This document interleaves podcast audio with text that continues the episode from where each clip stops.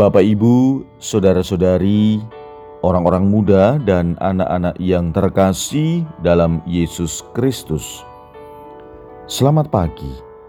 Salam bahagia dan salam saroja untuk kita semua berkah dalam. Bersama dengan saya Romo Antonius Garbito Pambuaji menyampaikan salam dan berkat Allah yang Maha Kuasa dalam nama Bapa dan Putra dan Roh Kudus. Amin.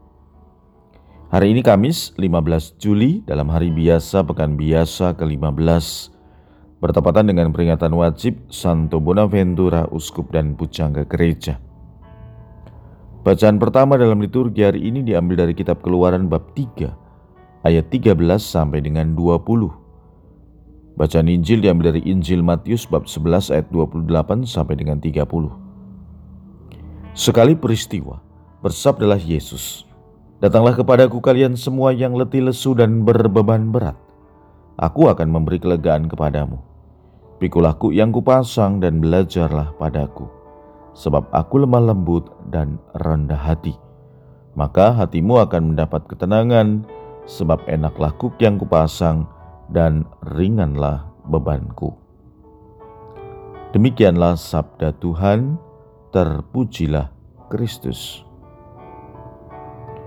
Saudara-saudari yang terkasih, kemarin kita diajak untuk merenungkan Injil yang mengisahkan di mana Yesus bersyukur kepada Bapaknya karena ada orang-orang yang senantiasa menyertai Dia, yakni para rasul.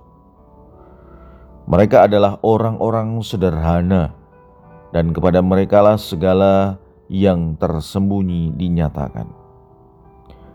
Ungkapan syukur Yesus dinyatakan lebih lanjut dalam Injil hari ini lewat ajakannya kepada para rasul untuk senantiasa datang kepada Dia karena Ia lemah lembut dan rendah hati. Tuhan Yesus menyadari perutusannya ke dunia untuk meringankan beban hidup manusia dan menyelamatkan mereka. Ia adalah juru selamat.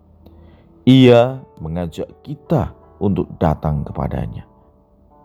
Kita datang kepadanya dan menyerahkan keletihan, kelesuan hidup, sakit penyakit, kekhawatiran, beban, relasi,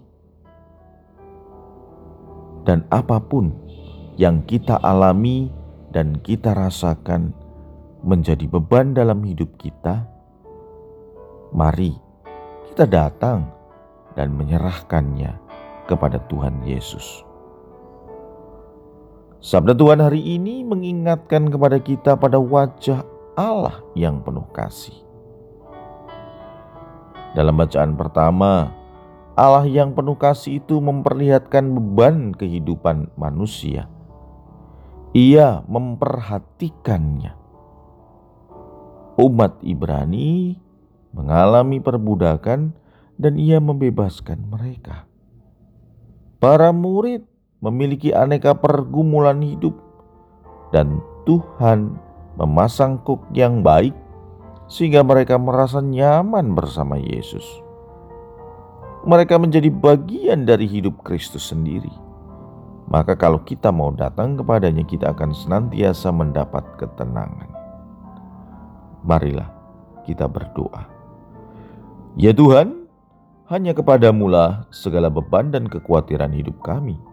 Kami percayakan kepadamu, semoga kami dapat meneladan Yesus putramu yang lemah lembut dan rendah hati. Berkat Allah yang Maha Kuasa, dalam nama Bapa dan Putra dan Roh Kudus. Amin.